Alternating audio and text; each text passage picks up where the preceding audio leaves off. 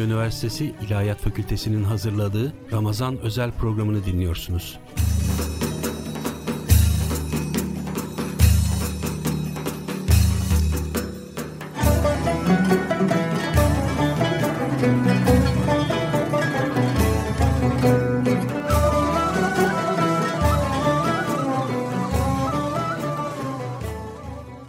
Aziz dinleyiciler, bu akşam Trakya Üniversitesi Radyosu Radyo Güne Bakan'da sizlerle birlikte olmaktan mutluluk ve bahtiyarlık duyuyoruz.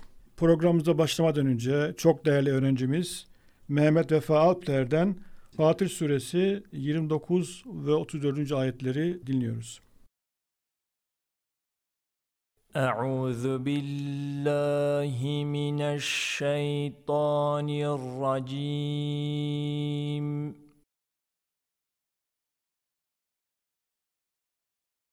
بسم الله الرحمن الرحيم.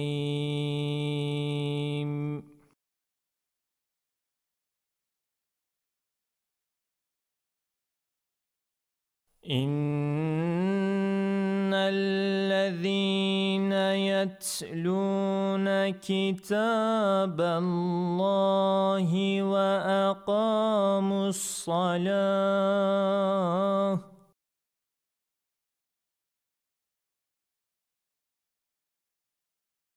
وأقاموا الصلاة وأنفقوا مما رزقناهم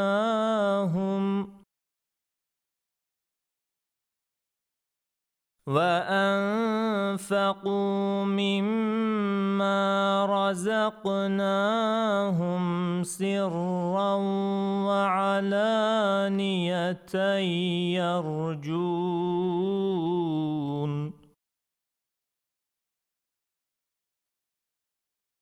وعلانية يرجون تجارة لن تبور.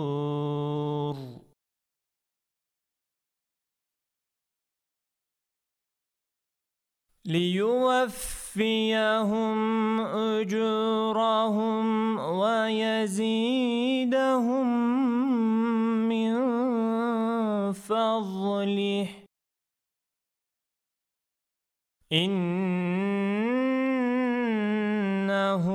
غفور شكور.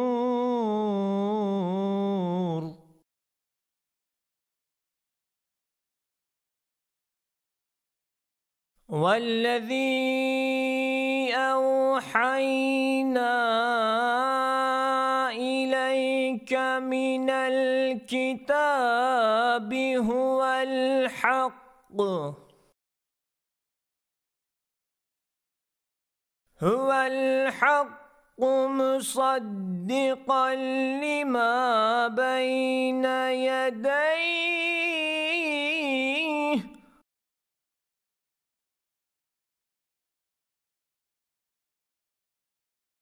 إن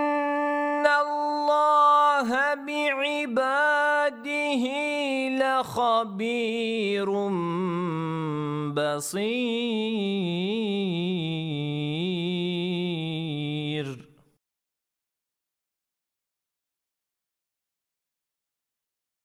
ثم أورثنا الكتاب الذين اصطفينا من عبادنا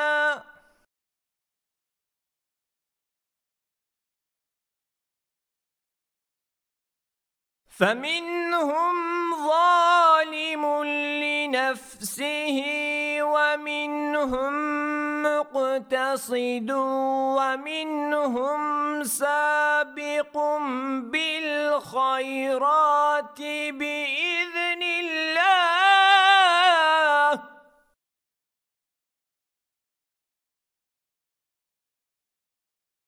ذلك هو الفضل الكبير.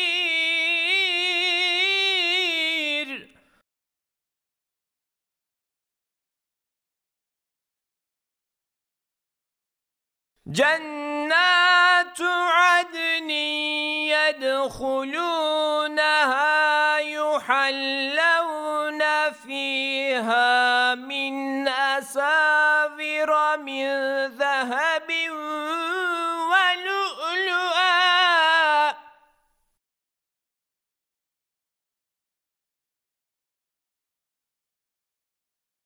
ولباسهم فيها حرير.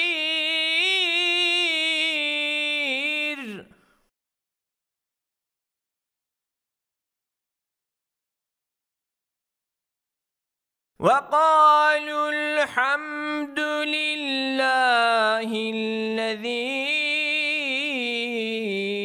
أذهب عنا الحزن.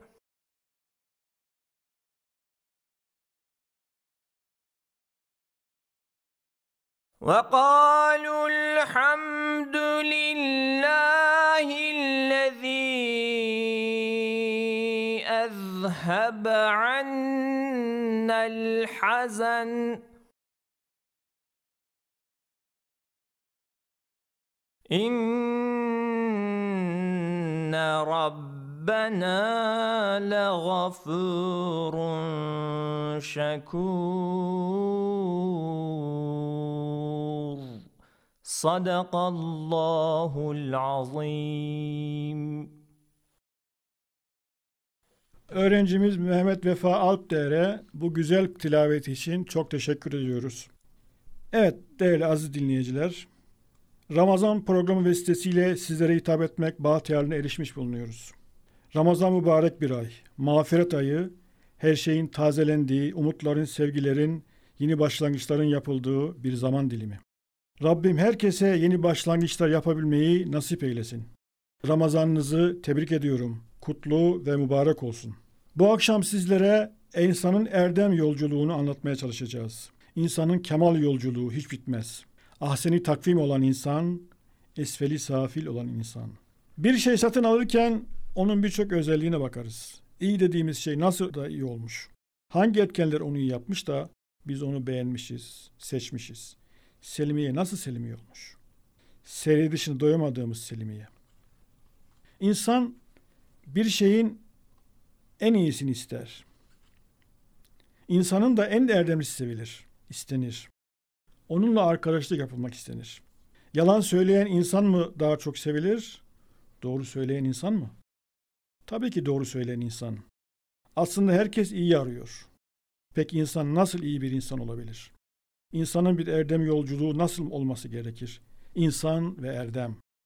Bu konuyu bu akşam çok değerli hocam doçent doktor Nurullah Kultaş ile konuşmaya, ele almaya çalışacağız. Nurullah Kultaş hocam Trakya Üniversitesi İlahiyat Fakültesi Tasavvuf Anabilim Dalı öğretim üyesidir.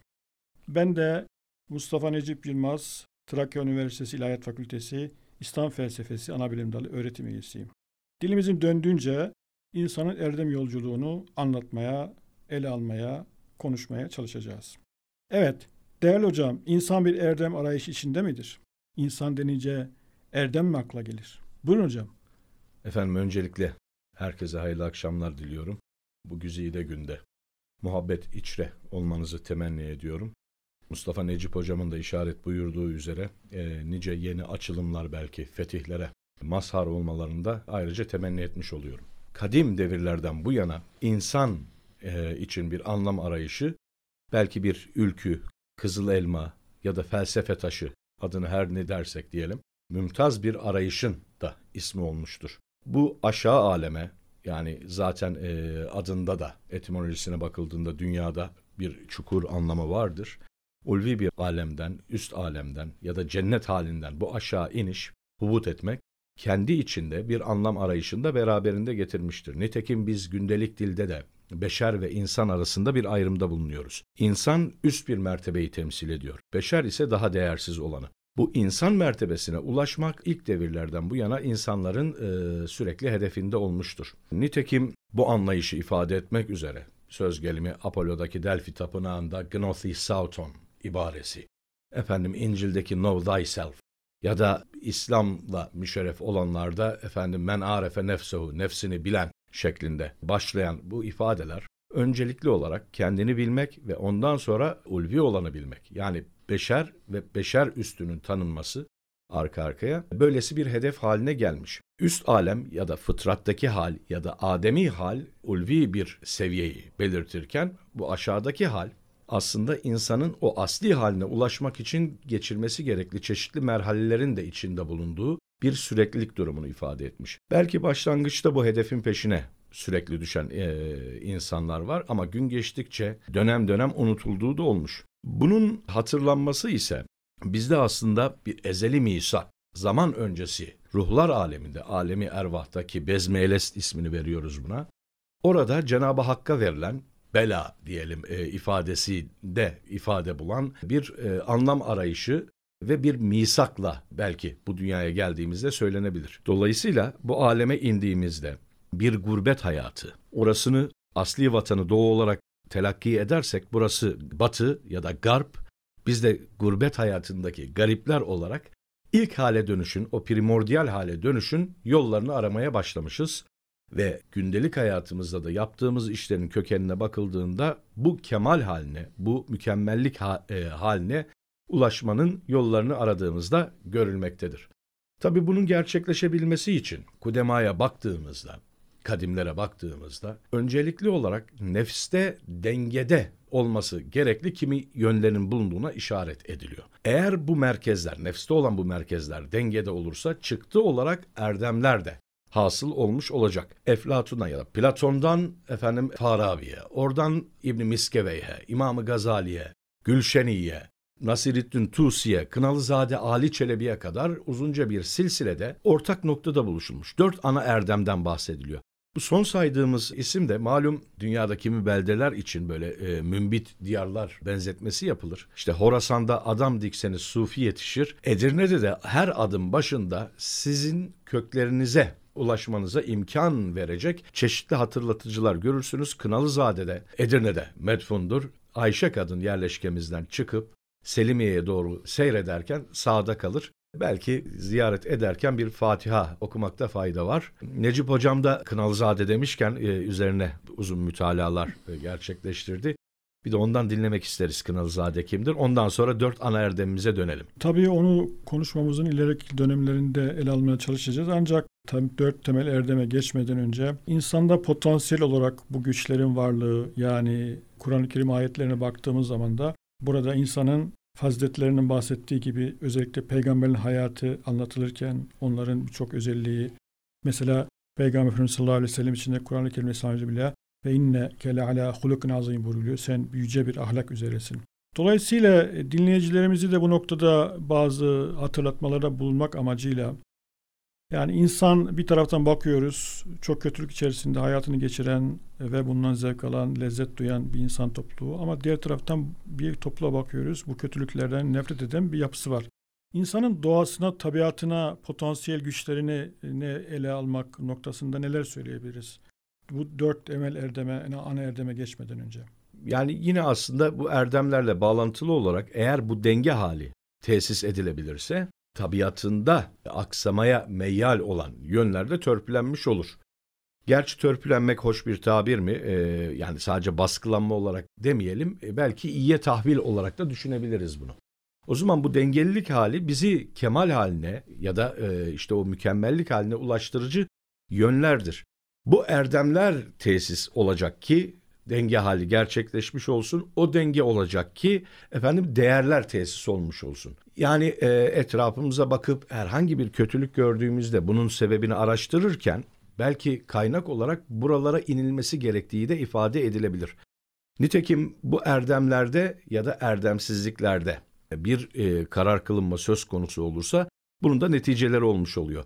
Erdemlerden mürekkep bir hayat tarzını benimsemek ileride o zaman erdemli şehrin de bir anahtarı haline gelmiş oluyor. Bu erdemli şehir derken e, Necip Hocam Farabi bağlamında acaba neler söyleyebiliriz? Şimdi tabii burada ferdin bir toplum içerisinde yetişip büyüdüğü zaman onun davranışlarından o mu sorumludur?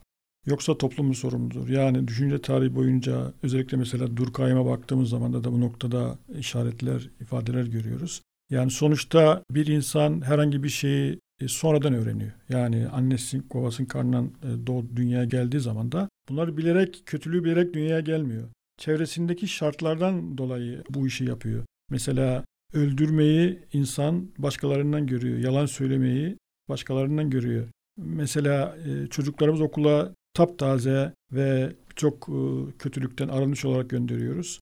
Bir anlamda okullar onlara yanlış şeyler de öğretebiliyor, doğru şeylerle birlikte. Bu anlamda kişinin sorumluluğuna baktığımız zaman da e, bu erdemli toplum, e, Farabi'nin bu erdemli toplum anlayış çerçevesi içerisinde o zaten e, ontolojik bir sistem kuruyor Farabi. O sistem içerisinde insan o sistemin bir parçası. E, bunu İbn Balce'de de görüyoruz. Aynı şekilde insan anlayışında da bunu görüyoruz. Bu anlamda insanın kendini arayışı, anlamı arayışı, manayı arayışı noktasında toplumun konumunu nasıl ele alabiliriz? Farabi'nin e, ele aldığı tarzda. Yani belki şöyle demek lazım, e, değerler ve erdemler bağlamında bu iki kavramın yer yer birbirine karıştırıldığını görüyoruz. Erdemler evrenselken, zaman ve topluma göre değişiklik arz etmezken, değerler zaman ve topluma göre değişiklik arz etmiş oluyor. Bu değerlerin oluşması için sözünüzün başında sizin zikrettiğiniz üzere iyiyi, güzeli, doğruyu, yanlışı tefrik edebilmek için, ayırt edebilmek için bu erdemlerle e, hemhal olmak gerekiyor. Şimdi e, böylesi bir toplum inşası tabii e, ontolojik bir bağlamdan artık yani bil kuvveden bil fiile doğru geçiş nasıl gerçekleşecek? Değerlerin oluşabilmesi için erdemlerin tesis olması lazım. Onun da e, yöntemleri üzerinde çokça durmuş, kudema da durmuş e, günümüzde de. Bunun uyarlaması sağlanarak belki e, büyüklerin, ninelerin, dedelerin, efendim kanaat önderlerin e, yapmaya çalıştıkları şeylere bakıldığında bu inşanın belki iz düşümünü görebiliyoruz. Şimdi öncelikli olarak nefsten yola çıktık. Burada bazı şeyler dengede olacak. Yani ferdi seviyede başlıyor iş. O dengede oluş hali gerçekleşince değere dönüşecek demiş idik. Şöyle diyelim bu merkezlerden bahsediyoruz belki somuta çekmek adına. Eğer dengede olması gerekli e, bu merkezleri sayacak olursak akıl, gadap, yetiler olarak da düşünebiliriz bunları. Şehvet ve e, bileşke bir kuvvet olarak adalet. Akıl dengede olursa hikmet açığa çıkmış olur. Gadap dengede olursa şecaat açığa çıkmış olur. Şehvet dengede olursa iffet açığa çıkmış olur. Ve bunlar hem kendi içlerinde hem de bir bütün olarak dengede olursa adalet açığa çıkmış olur. Gündelik hayatta da gözümüze çarpan çeşitli yanlışlıklar, aksayan yönlerin arka planına bakıldığında belki bu ana erdemler ve bunların e, alt erdemlerinde bir aksamadan söz edilebilir. Her biri içinde bir ifratı, bir tefriti söz konusudur. Belki bugün e, programın süresi bakımından bunları derinliğine ele alamayacağız ama bu alt erdemlerle alakalı bir şey söylemek ister misiniz Mustafa Necip Hocam? Evet tabiatıyla e, ta Eflatun'dan beri, e, Aristo'dan beri ki İslam ahlak düşüncesini bu iki düşünürün e, çalışmaları önemli, e, önemli oranda etkilemişlerdir. Dört temel erdem çerçevesi içerisinde ahlak felsefesi inşa edilmiştir. İşte bunlar birincisi hikmettir. Tabiatıyla e, insan doğuştan itibaren dedik ki bir şey bilmez olarak dünyaya gelmiştir. Her şeyi kendi çevresinde ona öğretilenlerle öğrenmektedir. Dolayısıyla insan nasıl ki fiziken e, büyüyorsa, gelişiyorsa aynı şekilde anlam ve mana olarak da kavrama yeteneği olarak da gelişmek zorunda. Dolayısıyla buna paralel neler olması lazım? Etkinlikler olması lazım. Çocuğu sadece bugün mesela yanlış bir şekilde kimi yerlerde sadece teorik bilgi veriliyor. Fakat hayatın pratik alanı ilgili ona paralel yer şeyler olmadığı için de çocuklar yanlış bir şekilde, genç de yanlış bir şekilde suçlanıyor. Çünkü neticede bir şeyi kavramak için onu bizzat yaşayarak, yaparak, tadarak onu yapmak gerekiyor. Bu anlamda da belli bir olgunluk ve kemal e, gerekiyor. Bu anlamda da hikmet e, cehaletin e, zıddı bir erdemdir. Yani hikmet olmadığı zaman cehalet olur. Çocuk mesela daha ilk e, yetişmeye başladıktan sonra onda bu hikmet erdemini geliştirmesi için bazı nitelikler e, olması gerekiyor. Bunlara alt erdem olarak işte özellikle İbn-i Miskeveyt'te bunlar sayılmıştır. İşte Kınalizade'de sayılmıştır. Genelde e, üç aşağı beş yukarı aynı şeyler söylenmektedir. Ben bu alt erdemleri kısaca e, ifade edeyim. Galiba hocamız burada bir şey ilave etmek istiyor. Hocam buyurun. Hay hay yani e, şöyle bu sadece diyelim felsefenin sadece tasavvufun bakış açısıyla değil tüm ilimlerin bakış açısıyla da değerlendirilmek durumunda. Zira kime hikmet verilmişse hocam öyle değil miydi ayette? Ona çokça hayır bahşedilmiştir. Hikmet müminin yetiğidir. Onu bulmak için gayret sarf etmelidir. Bu anlamda yetiğimiz olan bir şeyin sürekli peşinde oluruz. Yani çeşitli disiplinlerde bakıldığında marifet arayışı, yakine ulaşma isteği, kemalata erişme diyelim e, hedefi aslında bu hikmet çerçevesinde de izah bulabilecek bir husus. O zaman bizim için e, öncelikli hedefler arasında alt erdemlerini merak ettim doğrusu. Şimdi tabiatıyla yani sizin alanınız tasavvuf olduğu için yani tasavvuf mutasavvıfların yani hikmete bakış açısıyla filozofların hikmete bakış açısı arasında küçük nüans vardır. Ancak mesela e, ben karşılaştırmalar olarak inceledim. Gerek mutasavvıfların eserlerinde, gerek filozofların eserlerinde, gelen kimi hadis kaynaklarında, e, mesela tefsirlerde yine buna dair değiniler var. Ancak tabiatıyla bulunan nitelik olarak tasavvufçuların bakış açısı biraz daha farklıdır. Yani biraz e, bu anlamda alt erdemlere baktığımız zaman da bir çocuğu yetiştirirken, onu büyütürken, onu hangi değerleri katmamız gerektiğini, o değerleri katabilmek için de neler yapmamız gerektiğini. Mesela diyelim bugün bir Süleymaniye Camii'ni ele alalım. İşte bir Selimiye Camii'ni ele alalım. Baktığımız zaman muhteşem bir yapı ortaya çıkıyor. Ama bu yapıyı ortaya çıkarmak için, yüzyıllarca bunu ayakta tutabilmek için bunu yapan, bunu düşünen, tasarlayan insanın da bir takım niteliklere sahip olması gerekir. Bu anlamda da biz tıpkı bir e, Süleymaniye inşa eder gibi bir çocuğu büyütmek zorundayız. Ona hikmet verebilmesi yani eşyanın bilgisini ona öğretilmesi. Karşılaştığı en küçük bir olayda nasıl davranılması gerektiği konusunda bir fikir, bir kanaat onun oluşabilmesi için onun hangi özelliklere sahip olması gerekir? Mesela diyelim bir işe bir insan alıyoruz. Al, işe aldığımız olduğumuz insan işte ona çok değişik sorular soruyoruz. İşte diyelim herhangi bir şekilde görevine zamanla gelip gelmediğini. Mesela birisi anlatmıştı e, polislik imtihanına girenlere. E, sordukları ilk sorulardan bir tanesi mi? Bilmiyorum şu anda devam ediyor mu? Mesela mülakata gittiği zaman da işte oradaki mülakatı yapan görevli polis müdürü ilk önce şunu söylüyormuş. Ya kalemim yazmadı bana kaleminizi verir misiniz diye böyle bir soru soruyor. Tabiatıyla burada e, ölçmek istediği şey onun dikkati. Acaba kalemin hangi cebinde olduğunu biliyor mu? Böyle bir soruyla giriyor. Tabiatıyla kaleminin hangi cepte olduğunu hemen anında verirse, ilk hamlede verirse o soruyu geçmiş oluyor, onu başarmış oluyor. Bu anlamda da biz de çocuklar e, doğuştan getirmiş çocuklar bir takım yetenekler var, zekaları var. Öncelikle alt erdemlere baktığımız zaman da bunlardan bir tanesi zeka, ikincisi hatırlama. Yani mesela bir çocuğa bir şey anlatıyoruz. İşte 10 dakika sonra onu hatırlayıp bize anlatması tekrar veya yıllar önce geçmiş olan bir hadisi hatırlayıp bir şey yapması da bu alt erdem, e, hikmetin altında erdemlerin bir tanesi. Çabuk anlama, anlama gücü, zihin açıklığı, kolay öğrenme gibi ve başka alt erdemler de hikmet altında bulunmaktadır.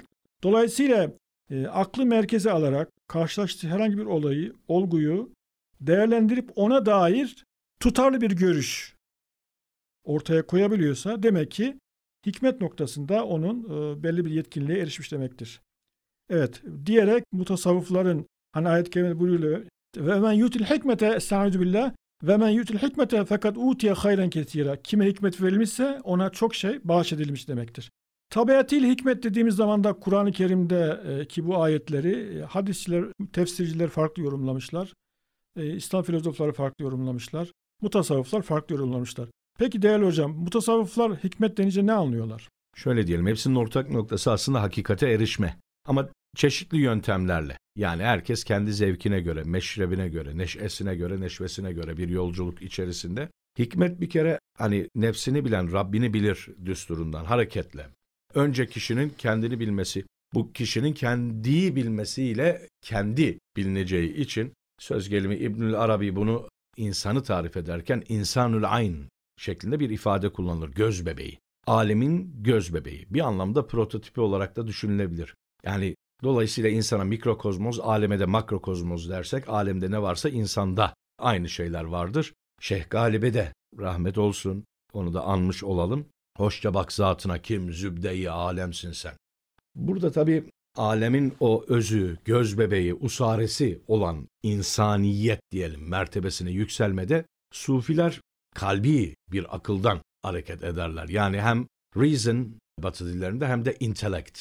Belki e, kalp ve akıl birlikteliği olarak e, ifade edilebilir ki irfan nedir dendiğinde de bu tanım yapılabilir. Arketipte ne varsa, özde ne varsa dışa o sızacağı için siz çokça hoş örnekler verdiniz. Süleymaniye'den bahsettiniz, Selimiye'den bahsettiniz. Bunları inşada, bunları ortaya koymada sadece mimariden bahsetmiyoruz. Aslında büyük bir vizyondan da bahsetmiş oluyoruz. Bu vizyonun işte kökeninde o hikmet ve hikmet arayışı söz konusu. Arketipimizde diyelim ya da böyle bilgisayar tabiriyle onboard olan bir şey daha sonrasında nasıl açığa çıkacak üzerindeki belki tortu üflenerek hayatımızdaki bu seyir hali, yolculuk hali böyle düşünebilir. Sufilerin hayatlarına bakıldığında bu seyri sülük ismi verilen o manevi yolculuk hikmete erişme, hikmet hedefine ulaşma şeklinde de tarif edilebilir. Öncelikli adım olarak kendini bilme, daha sonrasında kendiyi bilme. Yani nefsini bilen Rabbini bilir. Madem ki tevhidin tahakkuku, onu birleme, Rabbi birleme esastır, bunu sağlamak için önce insanın kendine belki bir iç bakıştan hareket etmesi lazım. Tabii nedenli bilebilir, ne kadarını bilebilir bu ayrı bir şey. E, yolculuğun kendi lezzeti efendim bizim için daha değerli bir şey. Şimdi bu erdemler tesis olunduktan sonra o alt erdemlerle beraber acep insan nereye doğru evrilecek Necip Hocam ne dersiniz? Evet ben teşekkür ediyorum bu izahlı açıklamalarınız için. Tabiatıyla erdemler noktasında hikmet erdemini e, konuştuk. E, bu noktada bir de temel erdemlerden biri olan şecaat erdemine, cesaret erdemine de değinmekte fayda var. Çünkü hikmet çok geniş manalı bir kelime. Bu geniş manalı kelime üzerine çokça durduğumuz zaman da belki konuşmamız biraz sıkıcı olabilir. Bu anlamda hikmet hakkında bu kadarla yetinelim. Biz şecaat erdemine, cesaret erdemine değinelim. İkinci temel erdemimiz olan, düşünce tarihi içerisinde temel erdemlerinden biri olan şecaat erdemini üzerine duralım biraz. Bu konuda ne dersiniz hocam? Tabi burada şecaatten bahsederken yani sadece lafsi olarak baktığımızda bir cengaverlik akla geliyor gibi. Kimilerine göre yiğitlik ama bu alt erdemleriyle beraber değerlendirildiğinde yeri geldiğinde efendim sabrı içeren, yeri geldiğinde haksızlığa efendim haksızlığı sineye çekmeyip efendim bunu karşı önlemlerini almayı gerektiren bir erdem. Yani hikmetten başlayarak şecaat ondan sonra iffet de sadece lafzı olarak değerlendirilmemek durumunda malumunuz. Bunlar e, birleşerek adaleti tesis edeceği için her birinin alt erdemleriyle tamamlanması lazım. Yani bu adalete giden süreci biraz tabii programın süresini de göz önünde bulundurarak Mustafa Necip Hocam. Adalete kadar nasıl e, ilerlenebilecek? Tabiat-ı şecaat önemli bir erdem. İnsanın varlığı açısından, insanın kendi namusunu, şerefini, haysiyetini koruması açısından, kimliğini koruşması, kimliği oluşması açısından.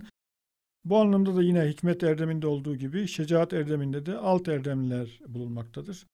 Neticede vatan dediğimiz bu kutsal toprakta kahraman askerlerimizin şecaati sayesinde ancak korunabiliyor. Çünkü burada alt erdemlere baktığımız zaman da bunların bir tanesi gözü pekliliktir. Yani ben öğrencilerime ifade ederken yani öylesine yüklü bir hikmetle dolu olmalısınız ki dünyayı bir parmağın ucuna taşıyacak bir gözü pekliğe sahip olmanız lazım. Yani neticede siz yapmış olduğunuz herhangi bir davranış doğruysa karşınıza gelecek herhangi hiçbir engele ne yapmamanız lazım? Bakmamanız lazım. Çünkü neticede insan şayet haklıysa, doğru yapıyorsa, doğru yaptığını inanıyorsa onu her yerde şartlarını ayarlamak suretiyle, konumunu ve durumunu ayarlamak suretiyle çünkü e, her zaman her şey yapmak hakkınız olmayabilir. Yani neticede ortama, durumuna bakmanız lazım. Bu anlamda mesela bir çocuğun yapmış olduğu davranış çok fazla dikkat etmezsiniz. Bir delinin yaptığı davranış dikkat etmez. Ama size bizzat hakaret eden ölçü bir şekilde bilerek isteyerek yapan bir şey karşı ne yaparsınız? Karşı durur, durmak zorundasınız. Evet bu noktada galiba hocamın sözü var. Buyurun hocam. Yani tabii şecaat manevi bağlamda da değerlendirecek olursak civan, civan mertlik, efendim fütüvvet ve e, bunlar etrafında gelişen teşkilatlar, ahilik gibi bu bağlama çektiğimizde o şecaatin topluma yansıması da aşikar hale gelmiş oluyor. Nitekim civan mert, cömert olarak, cömert olarak da dilimize geçmiş bizde cömertlik dendiğinde yani bu kahramanlık, efendim e, şecaat de bundan ayrılmaması gerekli. Vatan dediniz o vatan sevgisinin e, arka planda da malum mevtun olarak düşünürsek bir yerde bir durmaya karar kılış o bir e, durağanlık olarak atalet olarak değil Biz burada karar kıldık, manen de, madden de karar kıldık ve bunun tesisi adına da her şeyi yapmaya kendimizi adadık gibi bir yansımada bulmuş. Tüm bunlar gerçekleşirken reziletlere belki bugün değinemeyeceğiz. İnşallah ileride bir fırsat olur. Radyo Güne Bakan'da adalete doğru bir erişme mümkün olacak ve Bu bunlar da noktada- değere e, sevk olunmuş olacak. Evet bu noktada e, bir de alt erdemlerin diğer e, şecaat erdeminin alt erdemlerine bir küçük değinde bulalım. Çünkü neticede siz de bahsettiniz. Sadece böyle kahramanlık gösteren bir insan cesur kabul ediliyor genelde toplumda. Esasında alt erdemlere baktığımız zaman da bu daha da ortaya çıkmış oluyor. Mesela bunlar nedir? Sebattır, sabırdır, yumuşak huyluluktur. Yani bir taraftan kahramanlık gösterirken diğer taraftan da yumuşak huyluluktur. Sükunettir, sıkıntıya katlamadır. Mesela bugün gençlerimiz çocuklarımızı sıkıntıya çok fazla katlanamıyorlar. En küçük bir şeyde hemen feveran ediyorlar. Neticede çocuk daha küçükken bazı karşılaştığı zorluklara katlanma iradesini kendisine öğretilirse ne olacaktır? Karşılaştığı sorunları, sıkıntılar aşmış olacaktır. Diyerek şecaat erdemini bu şekilde ifade ettikten sonra iffet erdemine geçelim ve e, çünkü zamanımız çok dar. Hepsinin detayına girme imkanımız yok. Evet buyurun. Tabi buradaki iffet gündelik anlamıyla değil maddi manevi tüm yönleri de kuşatacak denli düşünme durumundayız. İlmin iffeti var malum Ee, insanın iffeti var. Azaların her birinin bir iffeti var. Ee, geleneğe baktığımızda şimdi kimi yollarda söz gelimi nazar ber kadem diye bir diyelim ilke mesela bir yol tesis etmiş.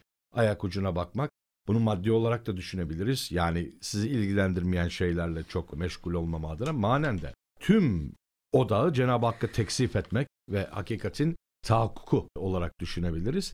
Bakın böylesi ilkelerle yoğrulmuş bir miras devralmış durumdayız. Asıl olan bu mirasın sonraki nesillere aktarılması bu erdemlerin tesisinde böylesi bir önem var. Sonraki nesillere aktarıldıktan sonra Zaten bir şeye erdem e, adını verebilmek için de yanılmıyorsam Gülşeni'de böyle bir tanım vardı.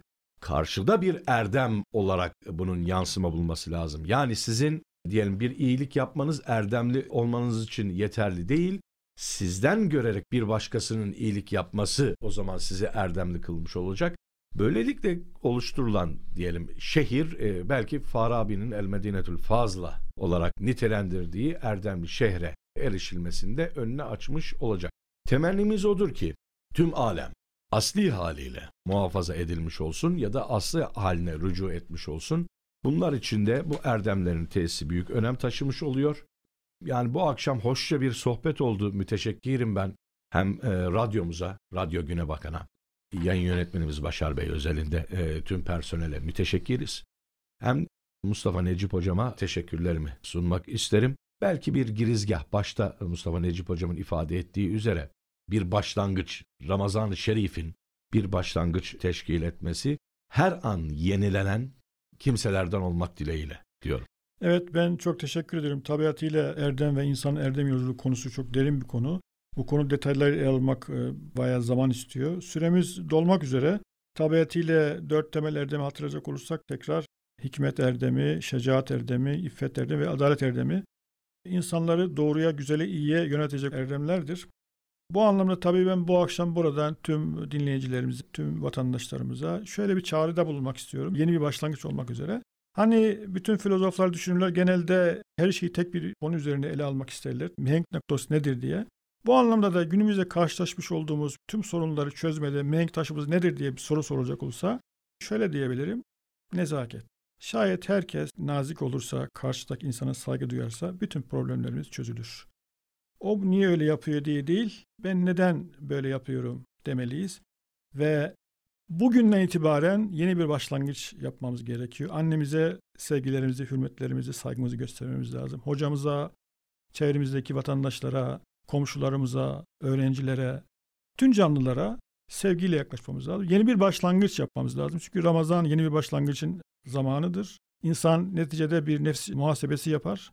Bir karar verir. Bütün Ramazanlarda herkes, birçok vatandaşımız, birçok kardeşimiz, birçok öğrencimiz kararlar veriyor. Ben bu kararların iyi niyetli kararların hayırlara vesile olmasını temenni ediyorum. E, bu noktada hocamız bir küçük ilavede bulunacak zannediyorum. Yani, yani alt erdemler ve erdemlerden bahsederken belki pratiğe çekme adına bir ufak bir şey söyleyeceğim. O da bunu tabii önce kendime söylüyorum sonra dinleyen aziz dostlara.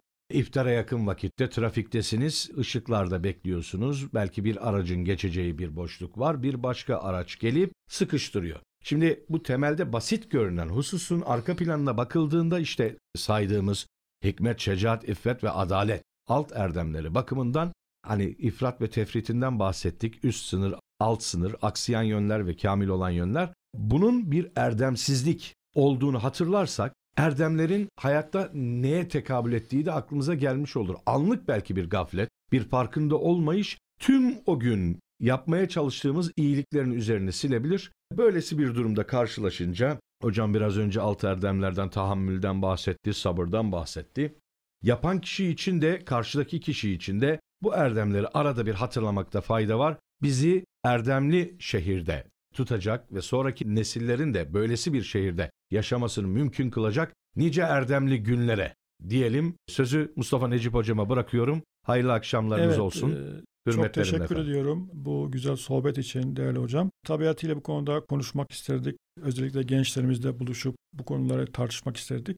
Çünkü toplumumuz gerçekten şartların getirmiş olduğu büyük bir sıkıntı içinde. Bunun başında da nezaket geliyor. Bu nezaketi birbirimize gösterirsek umuyorum ki yeni bir başlangıçlara bu vesile olacaktır. Öncelikle hocamın da belirttiği gibi öncelikle ben kendi nefsime bunu söylüyorum. Biz iyi yapmalıyız, biz güzeli yapmalıyız. Karşıdan güzel ve iyi beklemek yerine bu da bizi doğruya ve güzele, iyiye götürecektir diyor. Ve şimdiden Ramazan bayramınızı tebrik ediyorum ve programımıza Trakya Üniversitesi İlahiyat Fakültesi öğretim üyesi değerli hocam doçent doktor Abbas Yahya hocanın derlemiş olduğu Es-Subhu Beda ilahisiyle sonlandırıyoruz. Hepinize çok teşekkür ediyorum. Hayırlı akşamlar diliyorum. Geceniz mübarek olsun efendim. Hem Edirneli hem şehirlerimize hem evladı Fatiha'na tüm Balkanlara e, selam ediyoruz. Geceniz nice hayırlara vesile olsun. Hürmetlerimle efendim. Selamlar, sevgiler, saygılar efendim. Es sol